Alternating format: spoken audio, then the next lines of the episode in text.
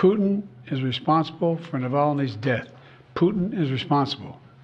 What has happened to Navalny is yet more proof of Putin's brutality. No one should be fooled, not in Russia, not at home, not anywhere in the world. Putin does not only target his citizens of other countries, as we've seen in what's going on in Ukraine right now, he also inflicts terrible crimes on his own people. As people across Russia and around the world are mourning Navalny today because he was so many things that Putin was not. He was brave, he was principled, he was dedicated to building a Russia where the rule of law existed and where it applied to everybody.